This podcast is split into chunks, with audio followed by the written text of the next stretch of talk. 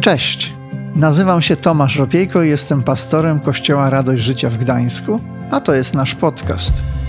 Świetnie, że jesteś. Mam nadzieję, że to, co za chwilę usłyszysz, zainspiruje Cię, pomoże lub zachęci do zmiany. Przejdźmy do dzisiejszego odcinka. Kochani, bardzo, bardzo serdecznie Was witam i tych, którzy jesteście tu, i tych, którzy są online. My od lat powtarzamy, że Kościół to relacje. Czy ktoś z Was słyszał, że tak kiedyś mówiliśmy, że Kościół to relacje? No, po pierwsze, to jest relacja z Bogiem, a po drugie, to jest relacja, czy to są relacje z innymi ludźmi. I do tego, by budować jedną i drugą relację, służą różne rzeczy w naszym życiu. A w życiu Kościoła mamy zasadniczo dwa rodzaje spotkań. I gdy czytamy Nowy Testament, to widzimy to bardzo jasno. W kościele w Jerozolimie spotykali się w świątyni i po domach. W Efezie czytamy natomiast, że Kościół spotykał się w wynajętej szkole i po domach. Czyli były publiczne spotkania Kościoła, tak jak to nasze nabożeństwo, ale były też kameralne spotkania gdzieś po domach. I my nie wymyśliliśmy, nie odkryliśmy Ameryki, gdy mówimy o grupach radości, czyli o takich grupach, w których ludzie spotykają się po domach. Każda, każdy rodzaj tego spotkania ma inne zadanie. Nie wiem, czy ktoś się cieszy, że tutaj jest dzisiaj. Czy są takie osoby, że się cieszą? Bardzo dobrze. Cieszę się, że wy się cieszycie, ja też się cieszę. No ale zobaczcie, sam widok nawet nas, że jesteśmy, już cieszy kogoś. No mnie na przykład cieszy, że widzę was.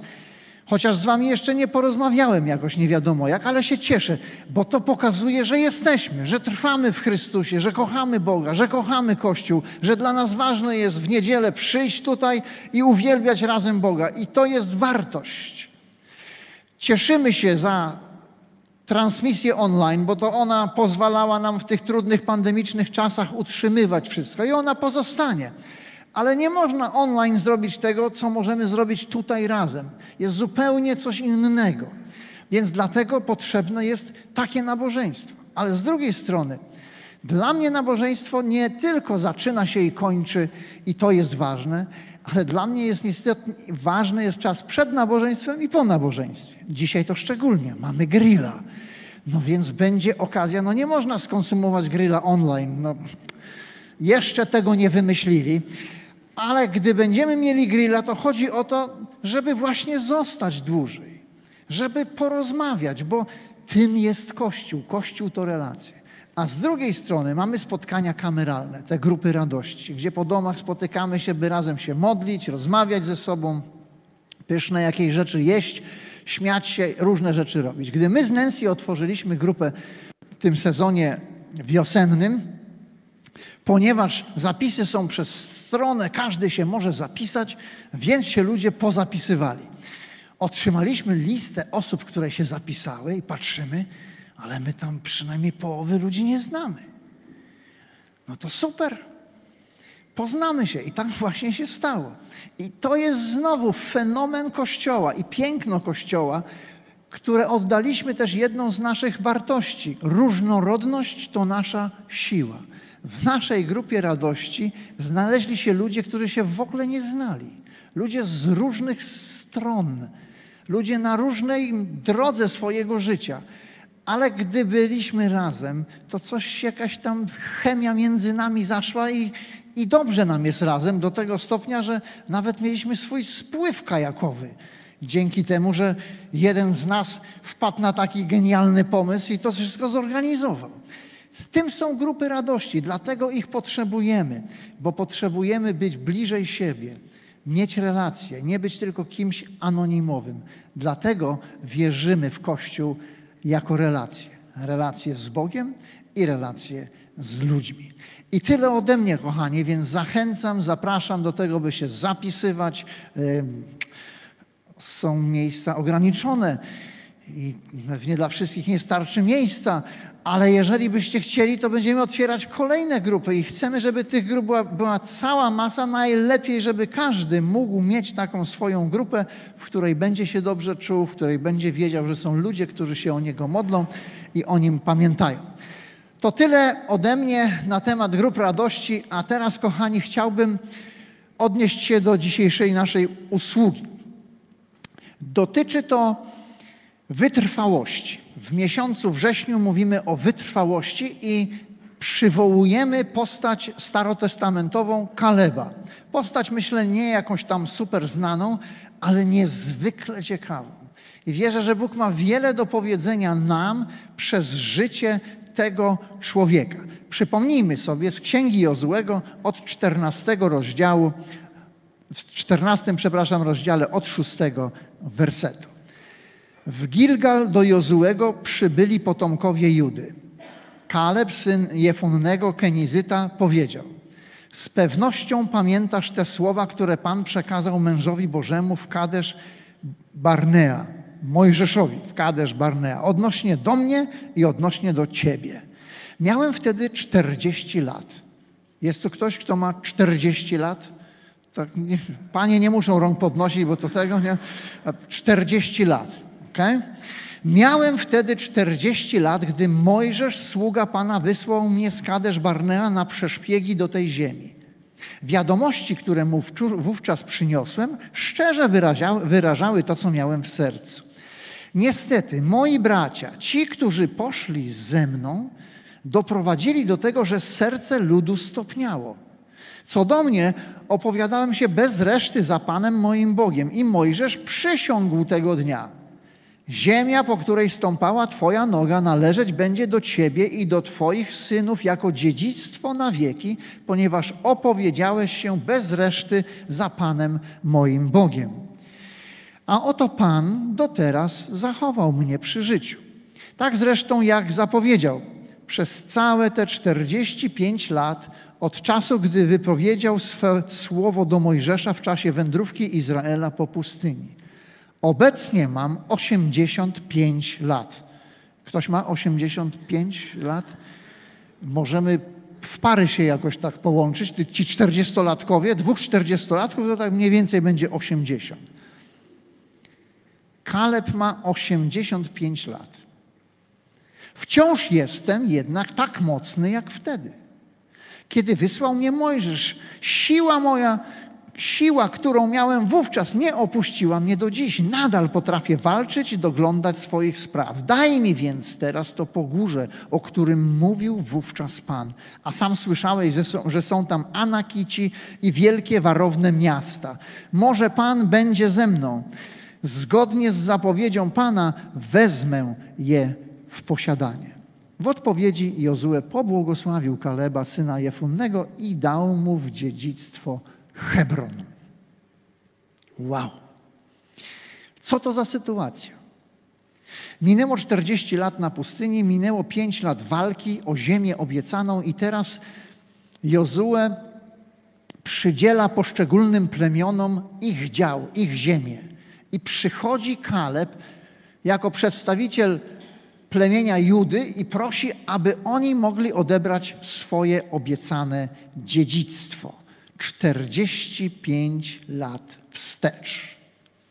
Chciałbym, byśmy dzisiaj zastanowili się nad trzema zasadami, myślami, prawdami zaczerpniętymi z życia Kaleba, które wierzę są dla nas pomocne w tym, abyśmy byli ludźmi wytrwałymi. Po pierwsze, pilnuj swojego nastawienia. Gdy patrzymy na historię Kaleba, to widzimy, że spędził 40 lat gdzie? Na pustyni, nie z własnego wyboru. Nie wiem, czy kiedyś tak się stało, że ktoś tobie no, zrobił przykrość, zmarnował ci życie, to może dużo powiedziane, no ale dzięki temu, jak się zachowali jego koledzy, 40 lat musiał spędzić na pustyni.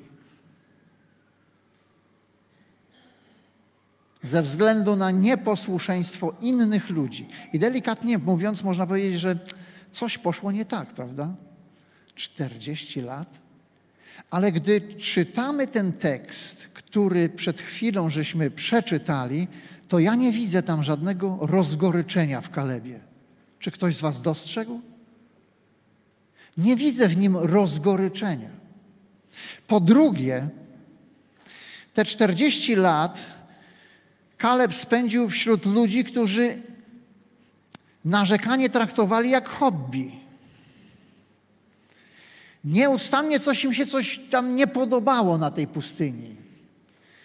A to na przykład, że menu było zbyt ubogie i marudzili i narzekali. A w ogóle Mojżesz im się nie podobał, ten przywódca, to na niego też jechali i narzekali i marudzili na niego. I różne rzeczy takie wyrabiali. To wszystko słyszał Kaleb, w tym wszystkim był, uczestniczył, ale nie przyłączył się do chóru narzekających. Hmm. To nie koniec. Ilu zwiadowców dało dobre sprawozdanie? To podpowiedź? Dwóch. Brawo, brawo. Bardzo serdecznie dziękuję za pomoc. Dwóch. Jozue i Kaleb. Ale gdy Mojżesz umarł, to Jozue został następcą Mojżesza, a nie Kaleb. A dlaczego nie ja? A co on jest lepszy ode mnie? Co, że niby on się bardziej nadaje niż ja? Zaraz, zaraz, coś tu chyba nie halo. Widzicie taką postawę u niego? Nie widzimy. Przychodzi do Jozuego, z którym 45 lat wcześniej był na zwiadach w ziemi obiecanej i który został następcą Mojżesza i szanuje jego autorytet. Mówi, przyszedłem teraz prosić Ciebie, byś dał nam, nam należną ziemię. I Jozue to zrobił. I to wszystko mi pokazuje, że przez 45 lat Kaleb dbał o nastawienie swojego serca. Nie pozwolił, żeby coś to serce zniszczyło. Przypowieści 4:23 uczą nas takiej oto prawdy. Najczujniej ze wszystkiego strzeż swojego serca bo z niego tryska źródło życia. Podczas wędrówki na pustyni w pewnym momencie Izraelici dotarli do miejsca, oni szukali wody i dotarli do miejsca, gdzie była gorzka woda, nie nadająca się do picia. Co zrobili? Jakie było ich hobby? Pamiętacie? narzekają, więc utyskują, że co to w ogóle jest, składamy reklamacje i tak dalej, i tak dalej. Nie podoba nam się to. Bóg dał rozwiązanie. Powiedział, żeby wrzucili drzewo do tej wody i woda stała się słodka i mogli ją pić. O tym możemy przeczytać w drugiej księdze Mojżeszowej, w piętnastym rozdziale, gdyby ktoś chciał sobie tę historię prześledzić. Serce jest jak źródło. Jeżeli źródło jest zatrute, jeżeli źródło jest chore, takie będzie nasze życie.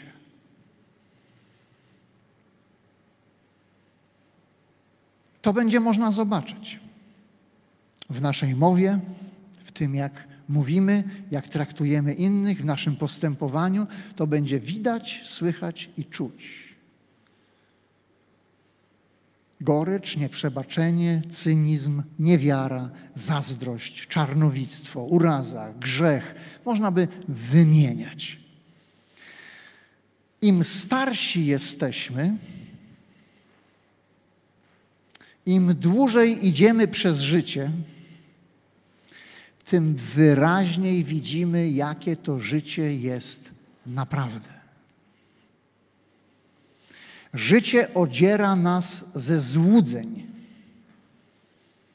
Młody człowiek, jak przystało na młodego człowieka, przynajmniej powinien być niezwykle optymistyczny, pełen energii i uważać, że się wszystko da. Dziękuję, że młodzi ludzie mówią Amen.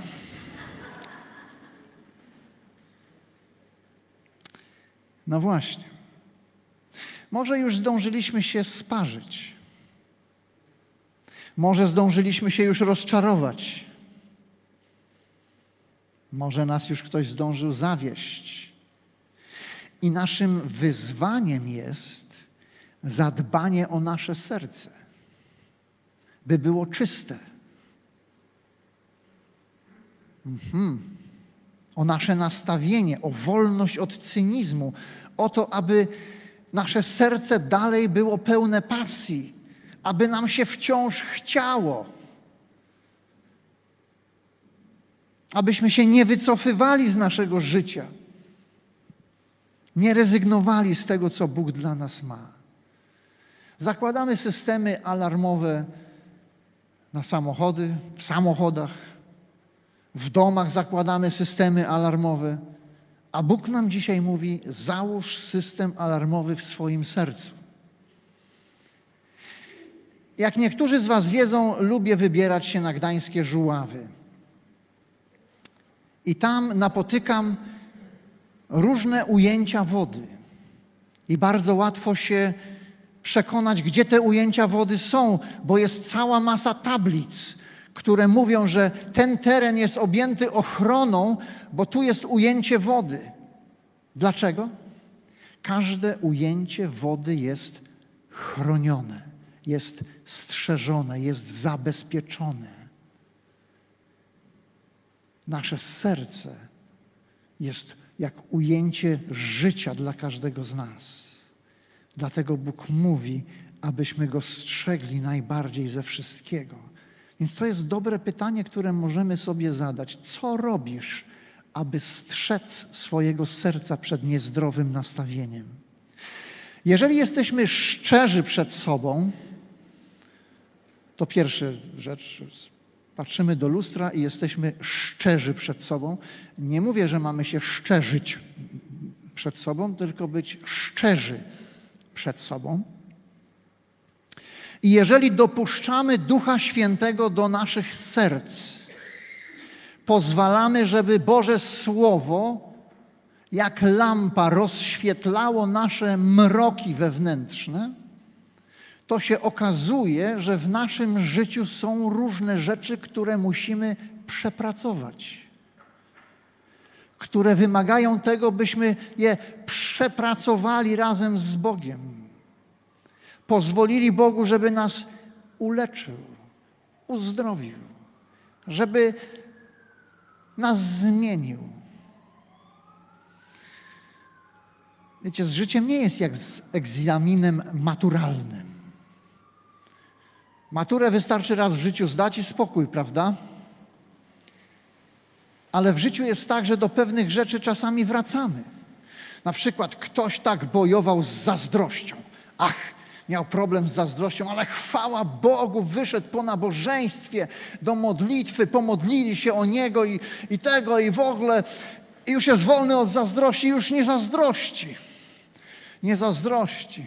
Do momentu, aż sąsiad nie kupił lepszego auta. I się okazuje, o, że znowu jest coś do przepracowania. Ja mam 55 lat i odkrywam coraz to nowe obszary w swoim życiu, które muszę przepracować z Bogiem. Uczciwie mówiąc, niektóre mi się wcale nie podobają. Ale jeżeli ja mam strzec mojego serca, to nie ma innej opcji. Muszę Boga wpuścić, Jego światło wpuścić do środka, żeby spenetrowało moje wnętrze i zobaczyło, jak ono wygląda, co tam jest w moim sercu.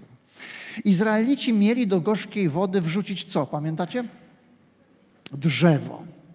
Z punktu widzenia Nowego Testamentu na to drzewo patrzymy inaczej i myślimy o drzewie krzyża Jezusa Chrystusa. To na tym krzyżu Jezus umierał po to, aby przynieść nam uzdrowienie naszych serc. Gdy przychodzimy do Niego szczerymi sercami, On pomaga nam leczyć nasze serca z różnych zranień, z różnych paskudnych rzeczy, których żeśmy się w życiu nabawili. I gdy patrzę na Kaleba, to widzę człowieka, który ma zdrowe serce. Pozwolił ewidentnie, aby Bóg pomógł mu przepracować to, co musiał przepracować. Posiadanie zdrowego serca daje nam siłę do naszej życiowej wytrwałości. A zainfekowane serce niestety nas będzie spowalniać, uwsteczniać i w końcu sprawić może, że zdryfujemy i staniemy się rozbitkami w wierze. Najczujniej ze wszystkiego strzeż swojego serca, bo z niego wypływa źródło życia. Po drugie, bądź wierny w zwykłych sprawach. Gdybyśmy mieli powiedzieć o biegu, takim długodystansowym biegu, albo to są dwa najważniejsze wydarzenia w tym biegu. Takie dwa najbardziej ekscytujące wydarzenia. Po pierwsze jest start, a po drugie jest meta. Nie wiem, czy zauważyliście, że na starcie i na mecie zawsze jest najwięcej ludzi, najwięcej kamer telewizyjnych, najwięcej fotoreporterów, jest największe zainteresowanie na starcie i na mecie.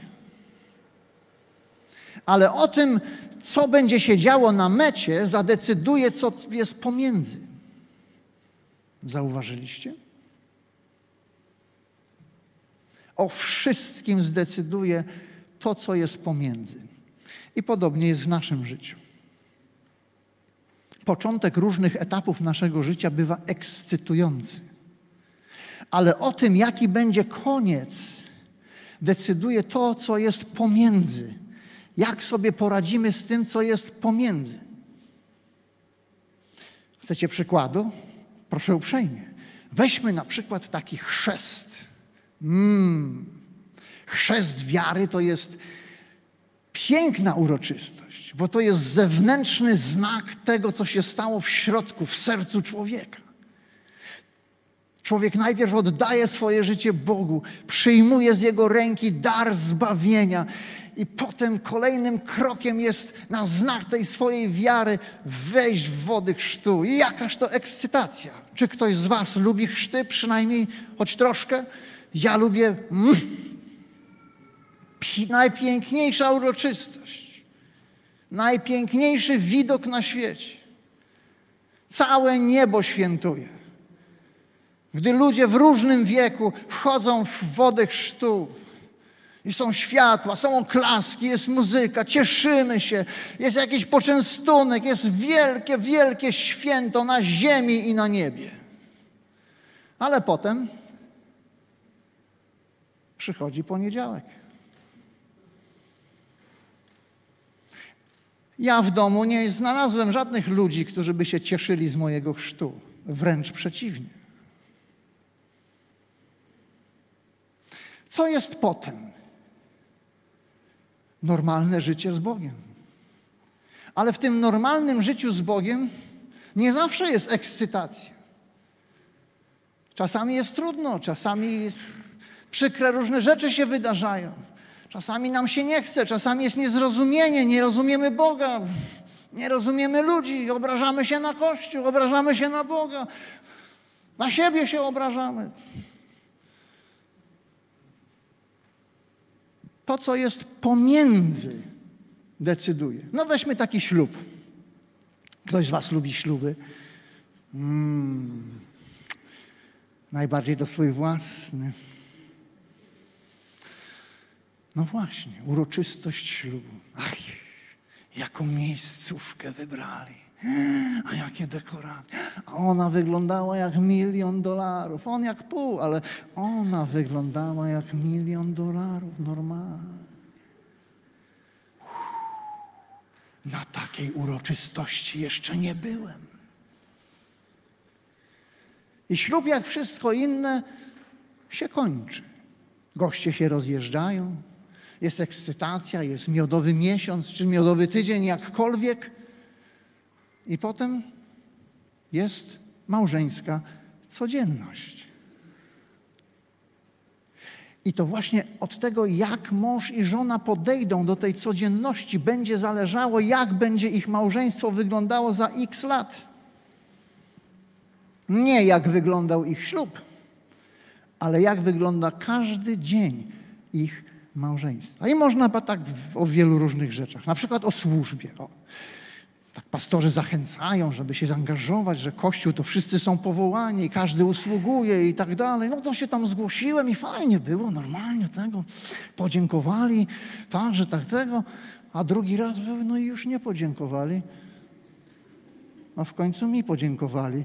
No to ja już nie wiem to już nie będę usługiwać. Mam tego dość. A to taki kościół pełen miłości miał być, a proszę bardzo. O tym, jak jest, na końcu decyduje to, co jest pomiędzy. A resztę scenariuszy sobie można przy, kasie, przy kawie dorobić, bo czas nas goni. To, w jakim stylu dobiegniemy do mety życia, zależy od naszych poniedziałków czyli od tego, jak podejdziemy do naszej codzienności. Jak będziemy wykonywać codzienne rzeczy, których nikt nie widzi, których nikt nie doceni, za które nikt nie podziękuje. Ale to właśnie te rzeczy zdecydują o efekcie końcowym. Czy ktoś dostał kiedyś może medal za zmienienie pieluchy na przykład? Jeszcze nie. Albo za wynoszenie śmieci. To taka ekscytująca część życia, prawda? Wynoszenie śmieci. Teraz mamy kolorowe pojemniki i jest lekka zabawa, a to do tego, a to do tego. Także to naprawdę to taka gra jednocześnie jest jakaś chyba. Gra miejska. O, tak to się nazywa. Czyli jednak jest jakaś ekscytacja w zwykłych czynnościach. No dobrze, Kaleba spotykamy gdzieś w połowie jego życia. Ma 40 lat, tak żeśmy ustalili. Już jest liderem, więc musiał coś zrobić dobrze, że wybrali go na lidera plemienia Judy. Coś musiał dobrze zrobić. Spotykamy go i on jest jednym z tych dwunastu zjadowców. No ale jak to w przywilej demokracji, 10 do 2 ich przegłosowali. Wybieramy opcję Pustynia czy ziemia obiecana? Y, dziesięć za pustynią, dwa za ziemią obiecaną. Proszę bardzo, na pustynię. I mija 45 lat. I tak naprawdę nic nie wiemy za bardzo o jego życiu. 45 lat. Możemy spekulować, domyślać się, ale jedno wiemy, że spotykamy go po 40 latach i facet jest w znakomitej formie. Po 45 latach. Super się ma. Dlaczego tak jest? Był wierny, był wytrwały w swoje poniedziałki. Robił to, co trzeba w każdym dniu swojego życia. Dbał o to, co najważniejsze. Ćwiczył się w prowadzeniu dobrego życia na co dzień, a nie tylko od święta. Codziennie. Wiecie, on i Lud też mieli ekscytujący początek. Pamiętamy może ten początek. Wyjście z Egiptu, jakie spektakularne. Przejście przez morze. Ła! Takie rzeczy po prostu. To się codziennie nie dzieją. Synku, synku, zobacz, morze się rozstępuje. I dochodzą do ziemi obiecanej, już ją widać, już wysyłają tych zwiadowców, już są blisko prawie do niej wchodzą. I jak wiemy, prawie potrafi czynić dużą różnicę. 40 lat w tym wypadku. No właśnie. Przez 40 lat pustynia. Wyobrażacie sobie? Kładziesz się spać, pustynia. Budzisz się rano, otwierasz namiot, pustynia i manna. Mm, zmierasz mannę. Kładziesz się spać i jest co?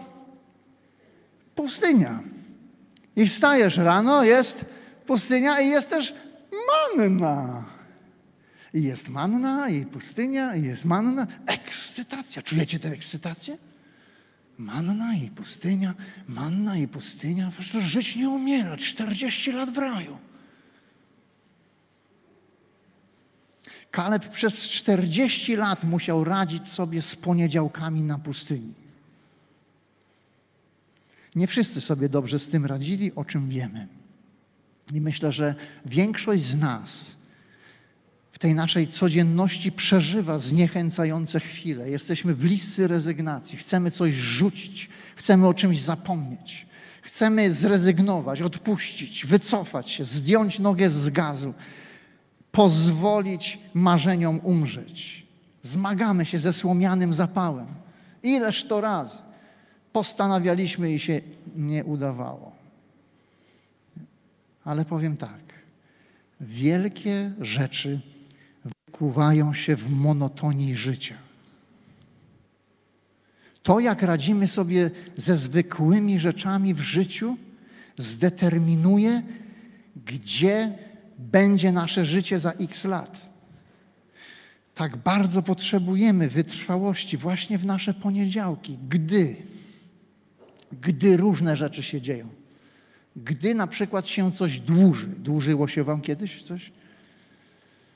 Gdy się przeciąga, gdy się nic nie dzieje, gdy niebo milczy, gdy odpowiedź na modlitwę nie przychodzi albo przychodzi nie taka, jakbyśmy chcieli, gdy się nie chce, gdy czujemy się, że jesteśmy źle traktowani, niesprawiedliwie, gdy się nam krzywda dzieje, gdy mamy wątpliwości, gdy dzieci chorują, gdy mamy problemy w małżeństwie, w przyjaźni, w pracy, gdy to, gdy tamto, gdy siamto, każdy ma swoje gdy. I podejrzewam, że jak my tutaj jesteśmy i ty online, każdy z nas ma jakieś swoje gdy. Jednym chyba z gdy, które mnie najbardziej trenuje obecnie, to jest projekt naszego nowego domu. Miał już stać. Już mieliśmy w nim wielbić Boga. Ale jeszcze trzeba troszkę poczekać. Hmm. Nie chce się czekać. Kochani, robimy co możemy, walczymy. Trzeba się modlić. Przyznam, że dla mnie to jest jedna z najtrudniejszych rzeczy obecnie. Ale jeśli chcemy zrobić różnicę w swoim życiu, to musimy zwracać uwagę na detale, na szczegóły naszego życia, to jak wygląda każdy nasz dzień. Jeżeli chcesz zmienić swoje życie, to musisz zmienić coś, co robisz codziennie, zadbać o każdy dzień. Bo z tych każdych dni składa się całe nasze życie. Charakter buduje się codziennie, ale nie w jeden dzień. Przyjaźń buduje się codziennie, ale nie w jeden dzień. Znakomite małżeństwo jest wykuwane codziennie, ale nie w jeden dzień. Wiele rzeczy osiąga się poprzez wierność i wytrwałość w małym, w niepozornym. Tego uczy nas Pan Jezus w Nowym Testamencie. O wierności w małym. Czasem widzimy kogoś wysportowanego, takiego, który ma takie mięśnie duże i potrafi różne rzeczy zrobić. Widzieliście kiedyś takich ludzi? I tak mówimy, o, mówi, też bym tak chciał. Ale zdjęcie przed i zdjęcie po oddziela proces pomiędzy. To jest proces codziennych treningów, codziennego działania, codziennego dbania. To nie ma, że on tam sobie kupił jakiś napój, łyknął i on jest super, hiper. Nie ma takiej opcji przezwyciężanie zniechęcania w naszej monotonii życia pomaga nam zrozumienie tego, dlaczego się w ogóle trudzimy. Wiecie dlaczego? Wiesz, dlaczego się trudzisz? Po co się trudzisz? Po co to wszystko? Byliśmy niedawno w restauracji i ktoś z nas zapytał właśnie że o, o sens życia. A pani kelnerka mówi, nie, ja nie wiem. Wielu ludzi nie wie, czy wiesz, dlaczego żyjesz, po co żyjesz, po co się trudzisz. Paweł do swojego syna w wierze i Tymoteusza napisał, pierwszy do Tymoteusza 4,10. Trudzimy się bowiem i walczymy dlatego, że złożyliśmy nadzieję w żywym Bogu, który jest zbawcą wszystkich ludzi, a zwłaszcza wierzących. Trudzimy się dlatego, że zaufaliśmy Chrystusowi. W życiu tak naprawdę nie chodzi o nas, chodzi o Niego, o to, żeby Go uwielbić w naszej codzienności, w wymienianiu pieluch, w załatwianiu, zmienianiu oleju w samochodzie, w robieniu różnych, przeróżnych, zwykłych rzeczy. W tym wszystkim Bóg uczy nas, cokolwiek robicie, róbcie to jak dla jak dla Pana, jak dla Boga. Uczysz się dla kogo? My się nie chce uczyć. To ucz się jak dla Boga. Znaczy mam dość tej roboty, po prostu mnie... To idź do pracy jutro dla Boga, dla Niego. Idź, idź z Nim do roboty. W życiu nie chodzi tyle o nas, co o Niego. Chodzi o to, aby On był uwielbiony w naszej codzienności. My mamy biec, będąc wpatrzonymi nie w okoliczności, ale w Jezusa, który jest sprawcą i dokończycielem wiary, jak napisane jest w liście do Hebrajczyków. A każdy z nas, bo to jest takie ogólne dlaczego, tak? Dlaczego żyjemy, dlaczego się trudzimy? Chodzi o Chrystusa. Ale każdy z nas ma jeszcze swoje dlaczego. Osobiste dlaczego. Na to pytanie to już każdy z nas musi znaleźć odpowiedź. I ostatnia myśl, trzecia. Przyjdź do przodu pomimo wszystko. Wróćmy do Kaleba.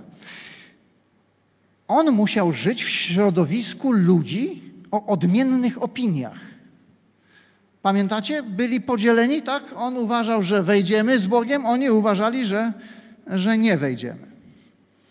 Więc mieli inną perspektywę życia, inną perspektywę życia z Bogiem i on musiał z nimi 40 lat spędzić na pustyni. Można powiedzieć w toksycznym środowisku, negatywnym środowisku. Ale co gorsza, nie miał gdzie uciec. W prawo, w lewo pustynia. Pustynia i pustynia. Co ma zrobić chłop? Najpierw były pustynne poniedziałki przez 40 lat, a potem 5 lat bitew, walki o ziemię obiecanej. Ale pomimo to wszystko Kaleb trwa na stanowisku, jest wierny i spolegliwy, niesamowity. Pomimo swojego wieku, przypomnijmy ile miał lat? 85. Pomimo tego wszystkiego, co przeszedł, ma apetyt na więcej. Mówi do Jozułego, daj mi to po górze, Daj mi tą ziemię. Jest gotowy przejść do przodu, walczyć o to, co wartościowe. Nie ma zamiaru się zwijać, ale rozwijać. My kolokwialnie, gdy idziemy na przykład do domu albo opuszczamy jakieś towarzystwo, mówimy: No to się zwijam. Nie zwijajmy się, ale się rozwijajmy. Tak jak Kaleb w wieku 85 lat. Życie Kaleba uczy nas, że można i warto przejść do przodu pomimo wszystko. Okazuje się w życiu, że nie będziemy zawsze wszystkiego wiedzieli, nie będziemy znali odpowiedzi na pytania. Nie wszystko będzie tak, jak chcemy, ale jest pociecha. List do Rzymian 8:28 zawiera słowa tej pociechy, a wiemy, że kochającym Boga to jest tym, którzy są powołani zgodnie z Jego planem, wszystko służy ku wszystko służy ku dobremu.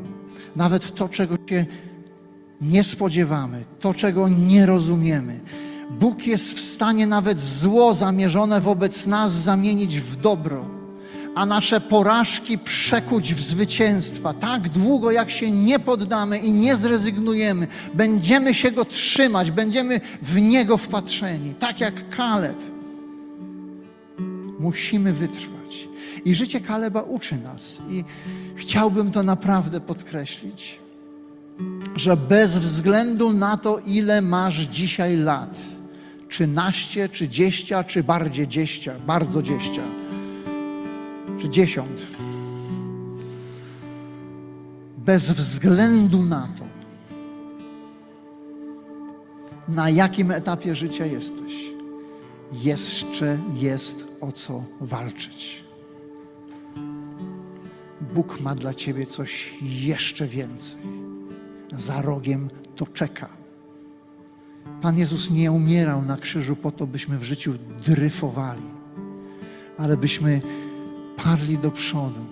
Czy jest przychylny, przyjazny wiatr, czy jest przeciwny wiatr, czy jest flauta, czyli brak wiatru, cisza, niebo milczy, nie wiemy co zrobić, panikujemy, ale w tym wszystkim możemy wytrwać. Życie Kaleba tego uczy nas, że warto być wytrwałym.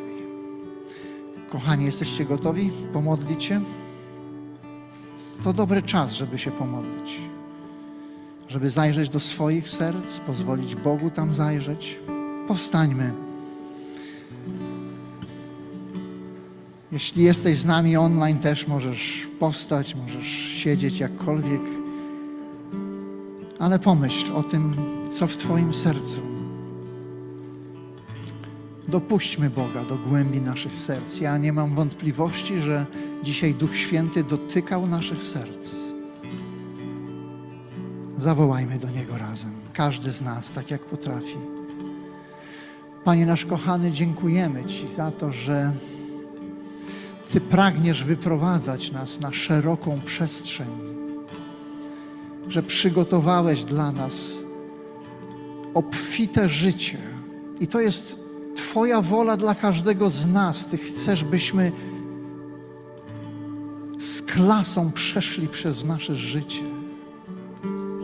I aby to się stało, Boże, prosimy Ciebie, pomagaj nam pilnować naszych serc. Pomagaj nam utrzymywać je w zdrowiu. Pomagaj nam utrzymywać zdrowe nastawienie, pełne wiary i odwagi, tak jak u Kaleba. Prosimy Ciebie o to, Panie.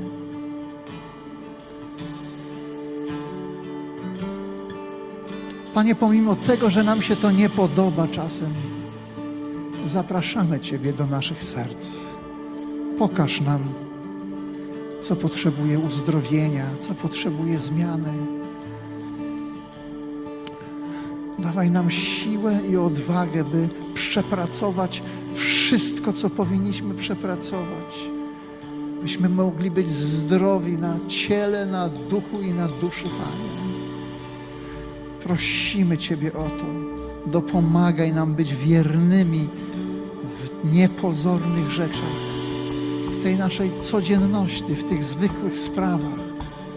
Ucz nas budować piękne życie z Tobą każdego dnia. Dopomagaj nam rozniecać pasję i głód Ciebie. Nie pozwól nam odpuszczać, ale wlewaj w nas, wlewaj do naszych serc determinację, aby przejść do przodu pomimo wszystko. Panie, powierzamy Ci nasze życie. Powierzamy Ci każdy nasz dzień. Nasze serca Tobie powierzamy. Przyjdź, Duchu Święty, zapraszamy Ciebie. Przyjdź teraz, dotykaj nas, uzdrawiaj nas, umacniaj nas. Jeżeli słuchasz tych słów, a nigdy nie oddałeś, nie oddałaś Chrystusowi swojego życia, to możesz to dzisiaj zrobić, teraz zrobić. Gdy za chwilę będziemy śpiewać, prostymi swoimi słowami możesz powiedzieć: Panie Jezu, zawierzam Tobie moje życie. Oczyść mnie, oczyść mnie z grzechu. Naucz mnie żyć z Tobą i dla Ciebie.